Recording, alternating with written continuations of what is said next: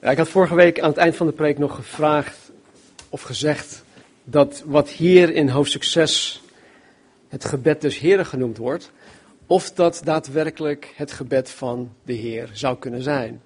Nou, ik zag een hoop, hoe zeg je dat? Blanke staren? Nee, dat zeg je niet, dat is, Engels, letterlijk vertaald. Blank stares. ja, uh, glazen blikken, hoe zeg je dat? Ja? En ik, ik, denk dat één of twee van jullie naar me toe zijn gekomen. Joh, wat, wat bedoel je daar nou mee? Nou, dat doet er niet toe. De bedoeling was dat jullie het zouden lezen. Nou, ik hoop dat jullie het gedaan hebben. We gaan zien of het inderdaad een gebed is die de Heer Jezus zelf zou kunnen bidden. Of dat Hij ons een voorbeeld geeft, um, zodat wij dat kunnen bidden. Ik, ik moet zeggen dat ik, een, uh, dat ik heel veel strijd heb gehad in het voorbereiden van deze preek. Uh, strijd voornamelijk met mezelf, omdat ik um, ja, toch enorm bepaald word door wat hier staat en wat Jezus aan ons leert. En uh, ik echt gigantisch tekortschiet op, op alle fronten. Dus ik sta hier absoluut niet voor jullie als iemand die zegt van zus en zo moeten jullie het doen. Maar ik sta naast jullie in die zin dat ik weet wat het is om, um, ja, om, om dit um, nog niet goed genoeg te kunnen doen zoals God het van ons verlangt. Wij die uh, ja, eigenlijk al een tijdje meedraaien in het huisgezin van God, wij, wij weten, of wij horen te weten, dat Jezus meester is. En dat zijn navolgers zijn discipelen, of zijn, oftewel zijn, zijn leerlingen zijn. Ja, dus Jezus is meester. Ik als zijn navolger, ik als christen zijnde ben een discipel. Ik ben een leerling van Jezus Christus. Het was in, in de tijd van Jezus gebruikelijk dat een rabbi of een rabbijn, dat is een Joods uh, godsdienstleraar, een, een, een, groepje leerlingen had, uh, die hij onder zich had, die hij onder zijn hoede nam en deze dan wel ja, discipelde of die hij dan onderwees. Hij rustte hun toe, hij, hij gaf hun alles wat ze nodig hadden om te zijn zoals hij zelf is. Dat was zijn taak als rabbi, als rabbijn.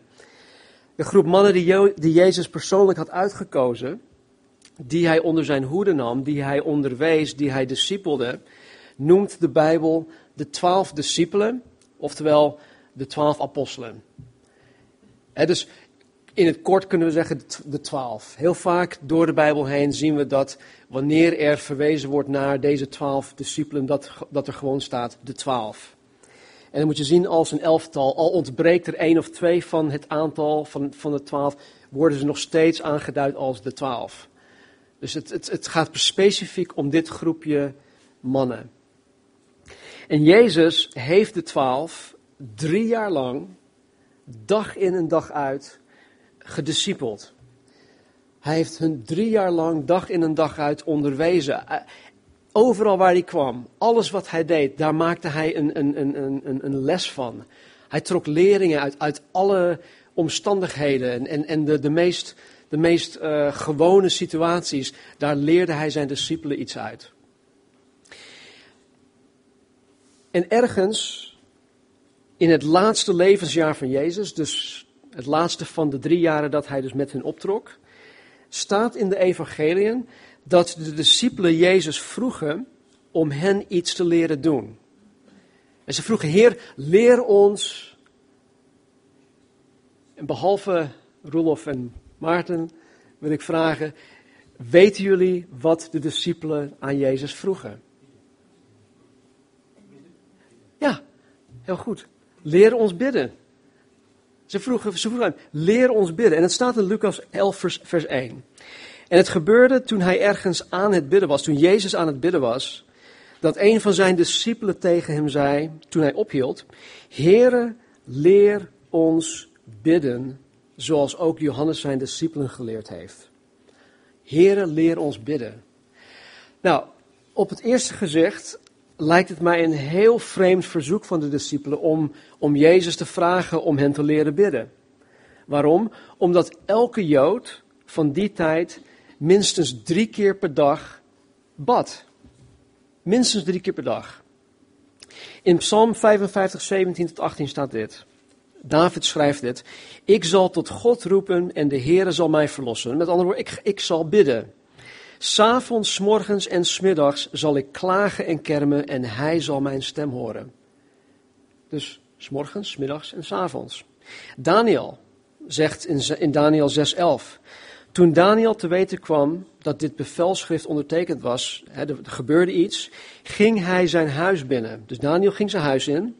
Nu had Daniel in zijn bovenvertrek open vensters in de richting van Jeruzalem. En er staat hier, op drie tijdstippen per dag ging hij op zijn knieën. Bad hij en dankte hij voor het aangezicht van zijn God, precies zoals hij voordien had gedaan. Dus ook weer drie tijdstippen per dag. In Handelingen 3, vers 1 lezen we dit.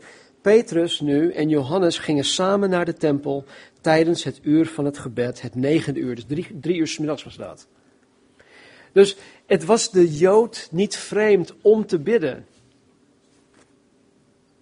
Zij wisten wat het was. Zij, zij wisten dat zij moesten bidden. Het was hun verplicht. En ze hadden niet alleen vaste tijden waarop zij moesten bidden, maar zij hadden zelfs specifieke gebeden die zij moesten bidden. Een van, een van de, de, de uh, gebeden die zij moesten bidden was de, de Shema uit Deuteronomium 6. luister Israël, of hoor o Israël, de Heere onze God is één. En dan staan er nog, nog een aantal dingen. Er was zelfs ook iets anders dat heette de Shemon Ezra, dat uit 18 delen bestond. 18 delen. En zij, zij waren verplicht deze drie keer per dag te bidden. Dus om, om Jezus te vragen of hij hun wilde leren bidden, lijkt mij op het eerste gezicht nogal vreemd. Het lijkt me een beetje, beetje raar. Maar ik denk dat als wij iets dieper gaan kijken naar wat de, de, de, de discipelen daadwerkelijk vroegen, dan is hun verzoek helemaal niet vreemd. Dan kunnen wij ons ook inleven in het verzoek van deze discipel die dat vroeg. Want ook wij weten niet hoe te bidden. Daar kom ik straks op terug. Nou, Jezus hield zich uiteraard aan de Joodse gebedsvoorschriften. Ook hij hield zich aan de vaste tijden. Want hij zegt zelfs in, in hoofdstuk 5 dat hij niet gekomen was om de wet van Mozes af te schaffen, maar om dit te vervullen. Maar zijn discipelen, die hadden gauw genoeg door dat Jezus zich in zijn gebedsleven niet liet beperken tot de verplichte gebeden die de Joden drie keer per dag moest opzeggen. En de gevolgen daarvan waren denk ik op zijn minst opvallend. Jezus bad niet alleen op andere tijdstippen, hè, dus naast de drie vaste tijden, maar tijdens of direct na zijn gebeden gebeurden er dingen. Er gebeurden dingen. Er gebeurden bijzondere dingen. Er gebeurden geweldige dingen. Hele bijzondere dingen. En dit viel hun op. Het viel hun echt op. Laat, uh, in Marcus 1,35 staat dit. S'morgens vroeg, nog diep in de nacht, stond Jezus op, ging naar buiten en begaf zich naar een eenzame plaats en bad daar. In dit vers zien wij Jezus ver buiten de, normale gebedstijden bidden. Van s morgens, middags en s avonds. En niet alleen ver buiten hun gebedstijden van, van, van s morgens, middags of, of s avonds, maar ook ver buiten de gebedstijden van wat ik geloof, de, ja, de, de gemiddelde doorsnee christen van vandaag. Er staat, hij stond s morgens vroeg op Ehm, nog diep in de nacht. Uh, wie van ons doet er moeite voor om s'morgens vroeg, nog voor zonsopgang, op te staan om tijd met de Vader door te brengen? Ik, ik hoef, ik daar geen antwoord op te geven, maar snap je wat ik bedoel? Wie, wie van ons doet dat? Jezus deed dit omdat Jezus als geen ander weet wat gebed inhoudt. Hij weet wat bidden is. En we zien in Marcus 1:38, een aantal versen verder, dat Jezus vanuit, vanuit zijn gebedstijd ging om vervolgens te handelen naar Gods wil. Er staat dat hij uitging van zijn gebedstijd om in de nabijgelegen dorpen het evangelie te verkondigen. In vers 39 staat dat Jezus inderdaad de synagogen inging, predikte en dat hij demonen uitdreef. Dus Jezus, die, die ging bidden voor zonsopgang. En vanuit zijn gebedstijd ging hij Gods werk doen. Vanuit zijn gebedstijd ging hij de dag in. Vanuit zijn gebedstijd deed hij wat God van hem vroeg. Vanuit zijn gebedstijd leefde hij het leven dat, dat hem gegeven werd om te leven. De discipelen zagen dat. En ze zagen dat Jezus heel veel waarde hechtte aan gebed tot wie? Tot de Vader. Zoveel zelfs dat Jezus nog voor zonsopgang opstond om tot de Vader te bidden. De discipelen zagen ook de resultaten van het gebedsleven van Jezus. Hij ontving kracht van de Vader om getuige te zijn. In Handelingen 1, vers 8 zegt Jezus: Wacht, je zult kracht ontvangen wanneer de Heilige Geest over je komt om getuige te zijn. Maar Jezus was zelf ook getuige. En dat, dat, dat, dat beseffen we ons niet misschien niet. Nee, want Jezus is Jezus, hij is God. Maar Jezus was ook mens. En als mens zijnde ontving hij kracht om getuige te zijn vanuit zijn gebedsleven. Hij ontving kracht van de Vader. Om niet alleen getuige te zijn, maar ook zelfs om demonen uit te drijven. Lucas 3, vers 21 en 22. En het geschiedde toen al het volk gedoopt was en Jezus ook gedoopt was en aan het bidden was, dat de hemel geopend werd. En dat de Heilige Geest op hem neerdaalde in lichamelijke gedaante als een duif. En er kwam een stem uit de hemel die zei: U bent mijn geliefde zoon. In u heb ik mijn welbehagen. Nou, hier, hier zagen zijn discipelen iets heel bijzonder gebeuren terwijl Jezus nog aan het bidden was. Jezus is daar aan het bidden. De hemel wordt voor hem geopend. Sterker nog, hij wordt gedoopt met de Heilige Geest en God spreekt. Terwijl Jezus aan het bidden was. Lucas 5, 15 tot 16. Het gerucht over Jezus verspreidde zich, echter des te meer. En een grote menigte kwam bijeen om hem te horen en door hem genezen te worden van hun ziekte. Maar hij vertrok naar de woestijnen en bad daar. Hier zagen zijn discipelen Jezus de menigte uit de weg gaan, als het ware gewoon opzij schuiven, om zich naar de woestijn terug te trekken, om daar te gaan bidden tot de Vader. Hij liet zijn bediening achterwege om te bidden tot de Vader. Nou, wellicht vonden zijn discipelen dit, dit vreemd. Want ja, er zijn zoveel noden. Mensen komen naar je toe, ze willen je horen, ze willen gediend worden. Maar kijk wat hierna gebeurt. In vers 17 staat dit. En het gebeurde op een van die dagen dat hij onderwijs gaf en dat er fariseeën en leraars van de wet zaten, die van alle dorpen van Galilea, Judea en uit Jeruzalem gekomen waren. En er was kracht van de Here om hen te genezen. Jezus ging wederom vanuit zijn gebedstijd erop uit om het werk van God de Vader te doen. Vanuit zijn gebedstijd. In dit verhaal had Jezus een, een verlamde man genezen, hè, dus als je dat verder leest. En werd tegelijkertijd geconfronteerd met de schriftgeleerden en met de fariseeën die hem van godslastering beschuldigden. Dus er was niet alleen, ik, ik, ik help mensen, maar die, die fariseeën en die schriftgeleerden, die werkten hem nog eens tegen. Maar alles verliep zoals het hoorde, omdat Jezus de tijd had genomen om tot de Vader te bidden. Het laatste voorbeeld. In Lucas 9, vers 28 tot 31. Het gebeurde ongeveer acht dagen na deze woorden dat hij Petrus, Johannes en Jacobus meenam en de berg opklom om te bidden. En het gebeurde terwijl hij bad dat de aanblik van zijn gezicht veranderd werd en zijn kleding blinkend werd. Jezus had de eerste bling bling. Nee, en zie, twee mannen spraken met hem. Het waren Mozes en Elia. Zij verschenen in heerlijkheid en spraken over zijn heengaan dat hij zou volbrengen in Jeruzalem. Hier nodigt Jezus Petrus, Johannes en Jacobus uit om met hem te gaan bidden. En terwijl Jezus aan het bidden was, werd hij verheerlijkt. In het, in het Engels noemen ze dit gedeelte de Mount of Transfiguration. Dus hij werd verheerlijkt, hij werd van gedaante veranderd. En zij zagen Jezus in de verheerlijkte vorm, terwijl hij aan het bidden was. En als dat nog niet genoeg is, zagen ze ineens Mozes en Elia daar staan. Wat hadden ze niet gedacht, die drie? En vervolgens horen zij de stem van God de Vader uit, uit een wolk komen en die zegt dan, dit is mijn geliefde zoon, luister naar hem.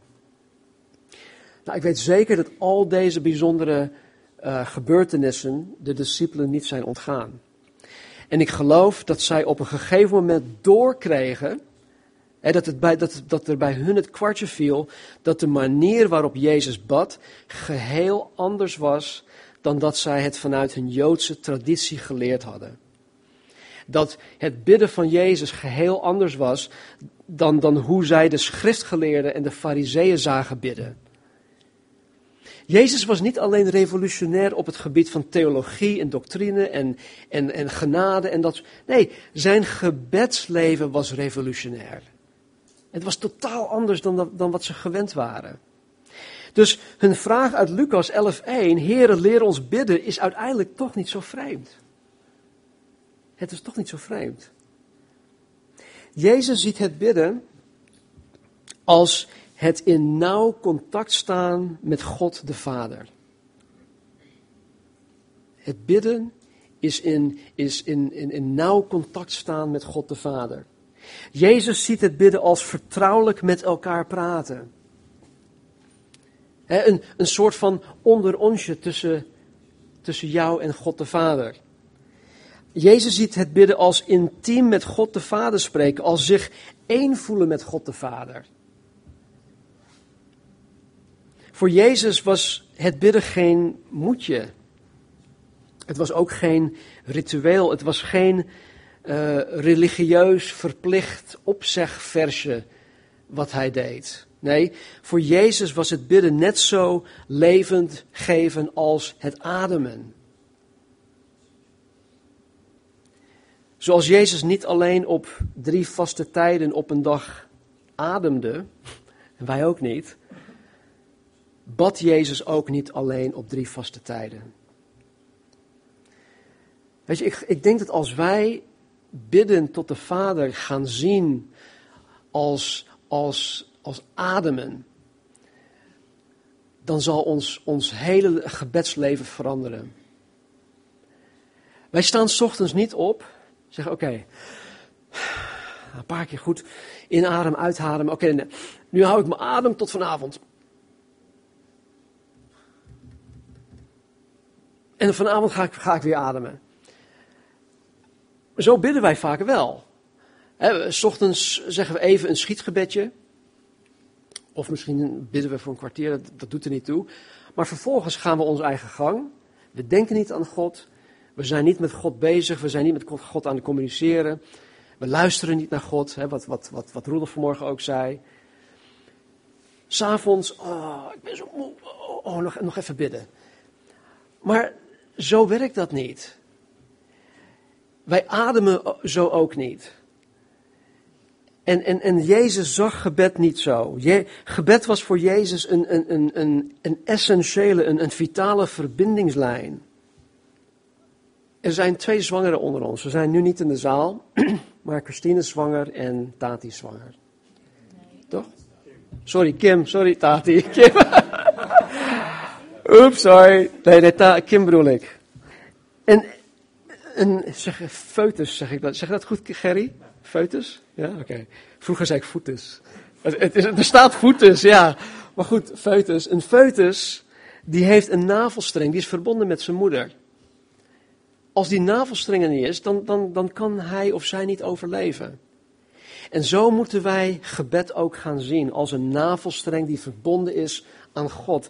Wij kunnen niet leven zonder die navelstreng. Het is verbonden met God.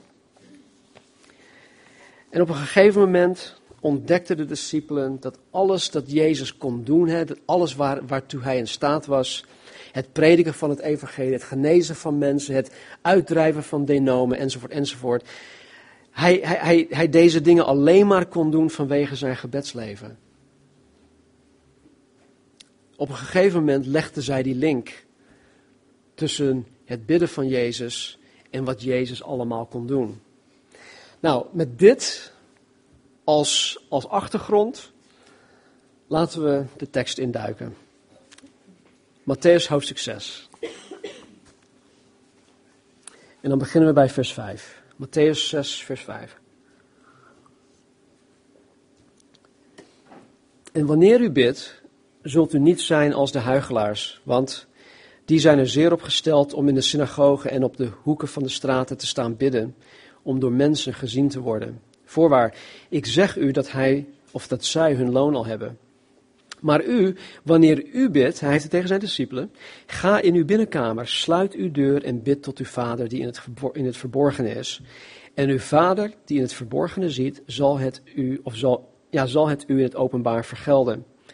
Als u bidt, gebruik dan geen omhaal van woorden zoals de heidenen, want zij denken dat zij door veelheid van hun woorden verhoord zullen worden. Word dan aan hen niet gelijk, want uw vader weet wat u nodig hebt voordat u tot hem bidt. Bid u dan zo.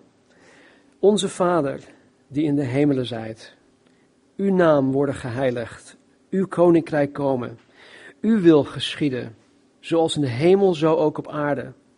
Geef ons heden ons dagelijks brood. Vergeef ons onze schulden, zoals ook wij onze schuldenaren vergeven. En leid ons niet in verzoeking, maar verlos ons van de boze. Want van u is het koninkrijk en de kracht en de heerlijkheid tot een eeuwigheid. Amen. Tot zover. In vers 5 zegt Jezus: Wanneer u bidt, zult u niet zijn als de huigelaars, want die zijn er zeer op gesteld om in de synagogen en op de hoeken van de straten te staan bidden, om door mensen gezien te worden. Voorwaar ik zeg u dat zij hun loon al hebben. Nou, zoals we vorige week gezien hadden, gaat het deze huigelaars, en hij heeft het specifiek over de schriftgeleerden, de fariseeën, alleen maar om gezien te worden door mensen. Ze zijn erop uit om de eer en de glorie en de, de, ja, de, de schouderklopjes van mensen te krijgen. En dus ook met het bidden. De ochtend- en de middaggebeden, die, die konden overal gebeden worden toen. En ze hoefden niet specifiek naar de tempel of naar de synagoge te gaan om te bidden. Dus als je thuis was of, uh, of als je op je werk was, dan bad je daar. Hè, als het tijd was om te bidden. Als je op je werk of waar dan ook op school was, dan deed je dat gewoon op je werk. Nou, wat Jezus hier zegt, is dat de schriftgeleerden en de fariseeën per se in de synagoge of op de hele grote kruispunten stonden te bidden, zodat iedereen kon zien hoe toegewijd ze waren. Eh, hoe, hoe, hoe heilig en hoe toegewijd en hoe christelijk ze waren. Niet christelijk, maar goed, jullie weten wat ik bedoel. Ze hadden het zelfs zo getimed dat zij zich of in een synagoge of op een heel kruispunt stonden wanneer de vaste gebedstijd aanbrak. Dus, oké, even kijken, om negen uur moeten we gaan bidden. Nou, dan ga ik nu, dan ga ik nu weg, zodat ik om negen uur op, de, op het grote kruispunt sta. Of dat, zodat ik op negen uur in de synagoge sta. Want, ja, dan zijn er heel veel mensen en die zullen mij dan zien bidden. Zo gingen zij te werk.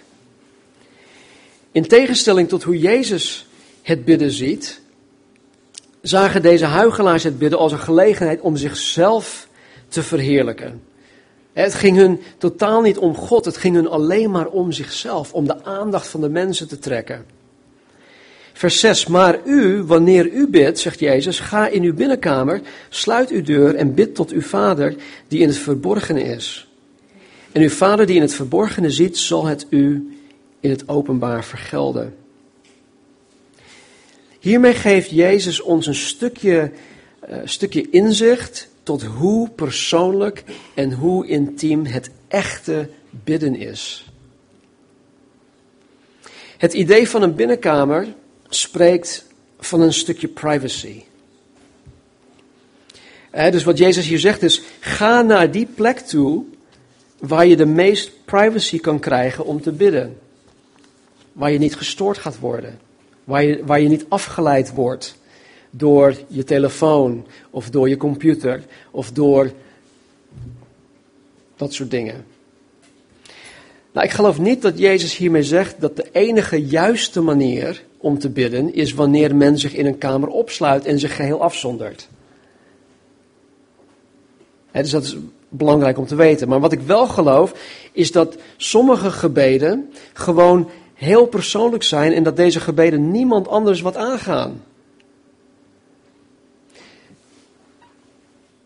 Als ik op zo'n moment thuis ben en ik wil tot God de Vader bidden, dan zonder ik me af.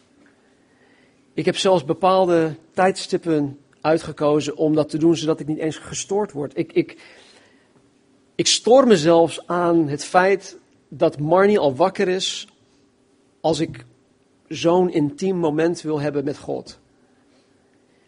En dan kan, ze, dan kan ze beneden zijn of ze kan op zolder zijn. Dat maakt me niet uit. De wetenschap dat zij al wakker is, daar, daar stoor ik me al aan.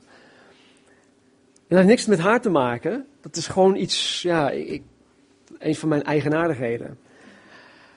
Maar het is wel, ik, ik, ik hecht zoveel waarde aan, aan, aan het alleen. Uh, it's like me time. It's, it's, Heer, het is even alleen met u. Maar dat is niet het enige wat God van ons vraagt. Het is niet de enige manier.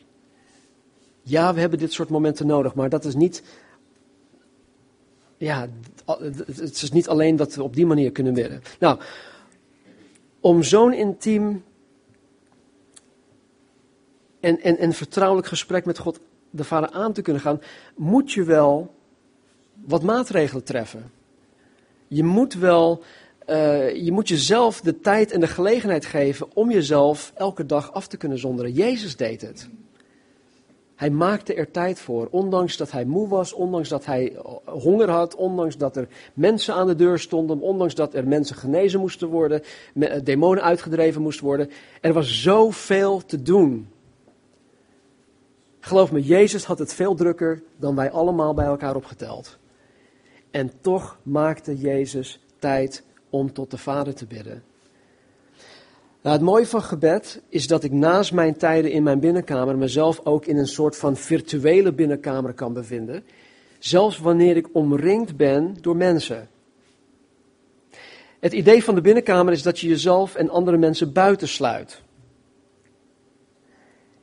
Het gaat alleen om God.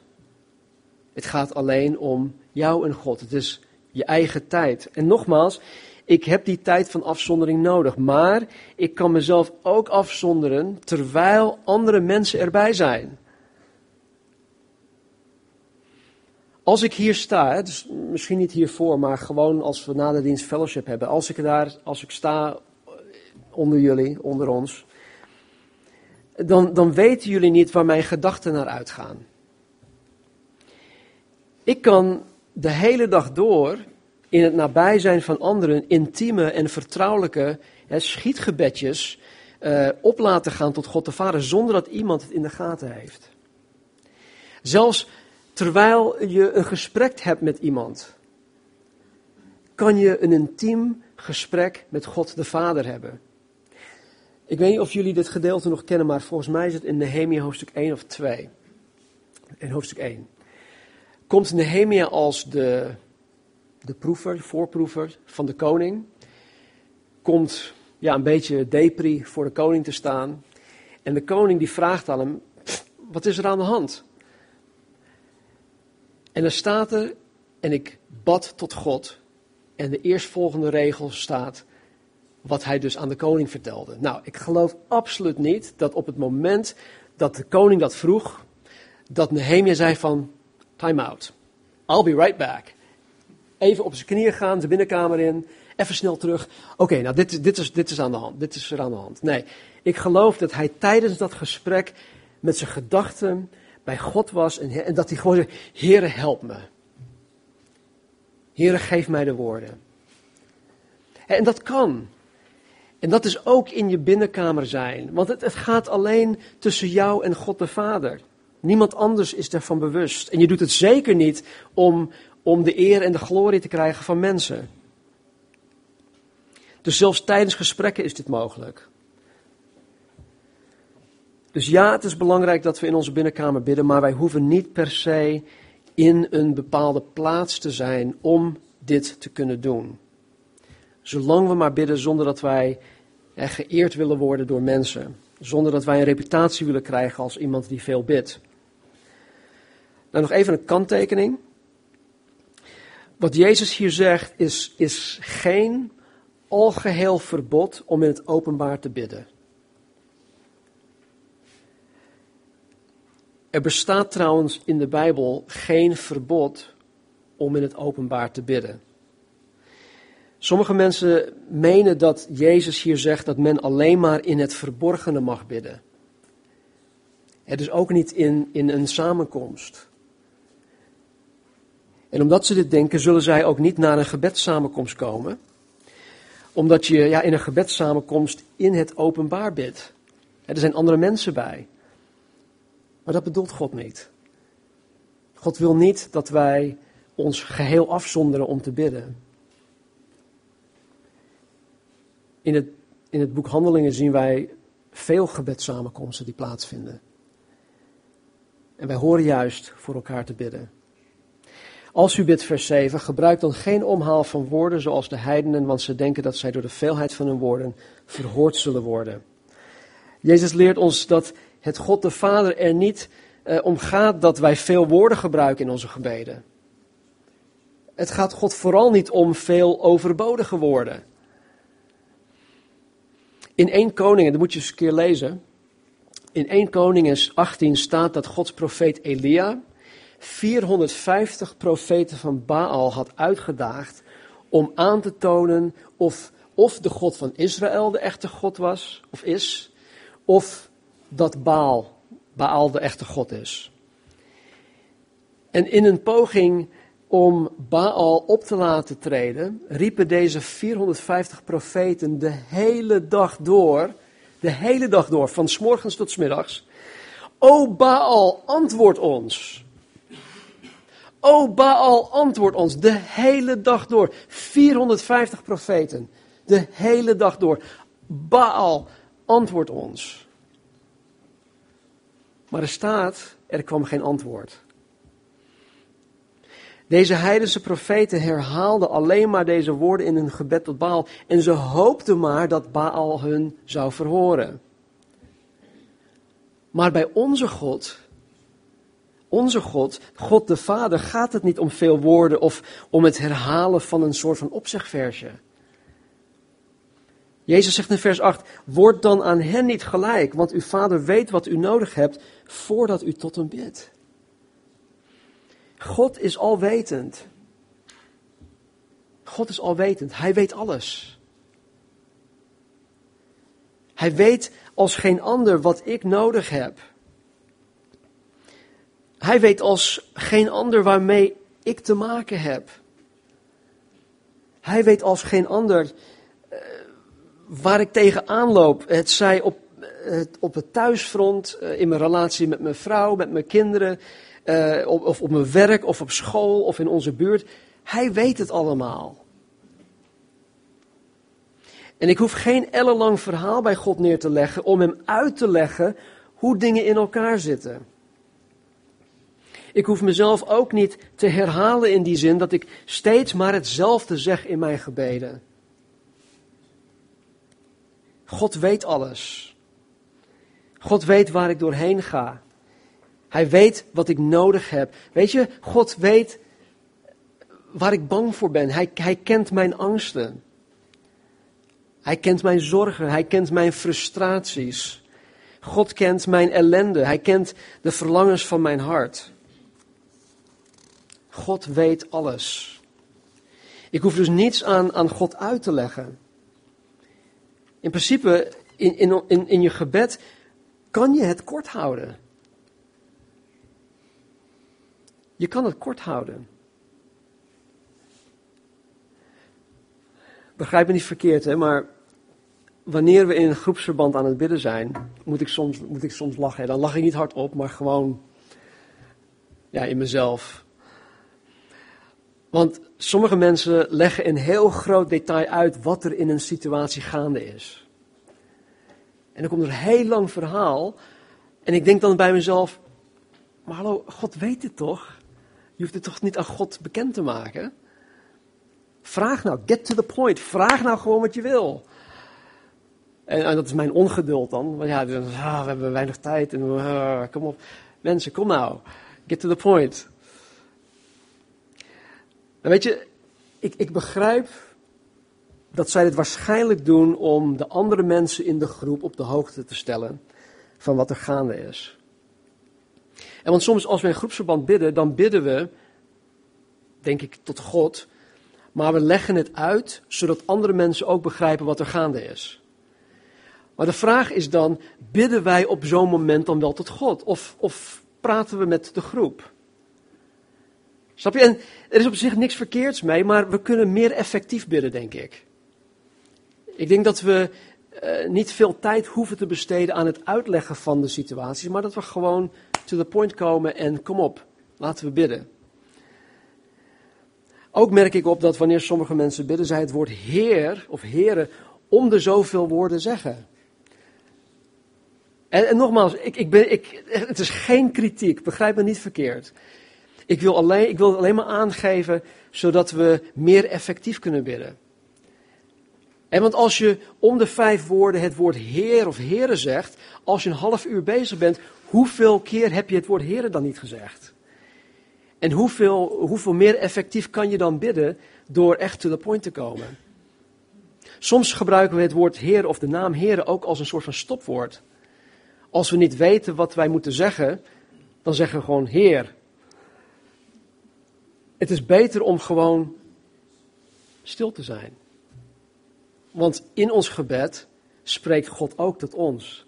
We hoeven niet continu dingen af te ratelen en door maar te praten, door maar te praten. Nee, gebed is ook luisteren. Ik, um, of wij skypen de laatste tijd um, met enige regelmaat met mijn ouders. Mijn vader die wordt 89 volgende maand, de maand erop. En uh, dan zie je dat hij online is, dan ga je skypen. Maar goed, ik heb vaak niet heel veel tijd, dus uh, als ik hem zie, dan skype ik misschien voor een 10 minuten of een kwartiertje of zo. Maar stel dat ik om de vijf woorden vader zeg of pa zeg hey pa, hoe gaat het met u pa? Ja pa. Uh, pa, uh, wat hebt u vandaag gedaan pa? En pa, wat, wat gaat u vanmorgen doen pa? En oh pa, hoe, hoe heeft u vandaag ja, het gevonden pa? En pa, en, en pa. snap je? Dus het, het, is, het is geen kritiek, maar ik denk dat we, dat we daar meer bewust van kunnen worden. Dat we gewoon meer effectief kunnen bidden. Dus God weet wat wij nodig hebben voordat wij het bidden. Maar hij wil, hij wil, God wil dat wij tot hem komen. God wil dat wij tijd met hem doorbrengen. Dat wij onszelf in onze gebedstijd aan hem overgeven.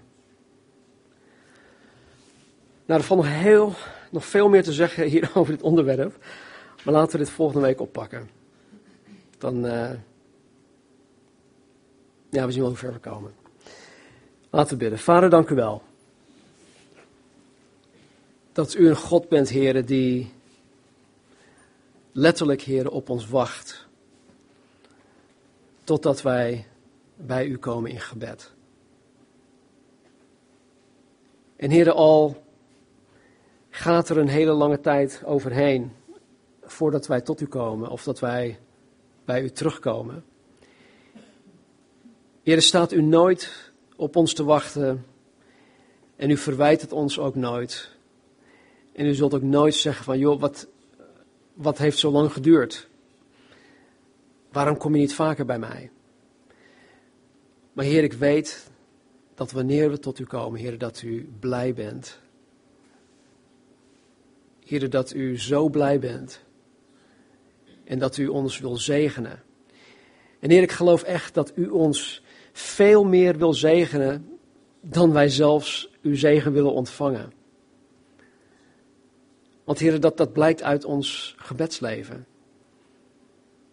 En Heer, ik, ik zal als eerste zijn om, om toe te geven, Heer, om te beleiden dat, dat mijn gebedsleven, Heer, op alle fronten tekort Vader, als ik zie hoe Jezus bad, hoe hij ondanks zijn, zijn druk bestaan hier op aarde, heren, de tijd nam, de gelegenheden aangreep, heren, om u te zoeken, om tijd met u door te brengen, om gemeenschap met u te hebben, door tot u te bidden. Heren, dan moet ik me schamen. Dus heren, ik snap volkomen, vader, wat, wat de discipelen aan u vroegen, heren. Heren, leer ons bidden. Heren, leren ons bidden.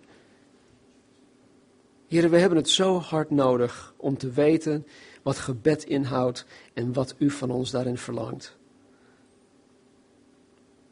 Want heren, zoals de apostel Paulus ook zegt in Romeinen 8, wij weten niet waarvoor wij moeten bidden of wat wij moeten bidden. Hij zegt zelfs in, in mijn eigen woorden, heren, wij, wij weten zelfs niet eens hoe wij moeten bidden. En hier nogmaals, ik zal de eerste zijn, Heer, die toegeeft dat ik niet weet hoe te bidden. Dus Heer, leer ons bidden, alstublieft. Leer ons bidden, Vader. Leer ons bidden, Jezus. Help ons. En zegen ons. Vergeef ons, Heer, voor onze tekortkomingen hierin. En Heer, laat ons niet um, gebuigd, Heer, onder een, een lading van schuldgevoelens uh, hier weggaan. Maar Heer, laat ons vandaag alstublieft um, weggaan, Heer, ja, met het idee, Heer, dat, dat u ons oproept. Dat u ons aanmoedigt om verandering te brengen, Heer, in ons leven, in ons gebedsleven. En Heer, leer het ons. We vragen het, Heer. Leer ons bidden. Dank u wel. In Jezus' naam. Amen.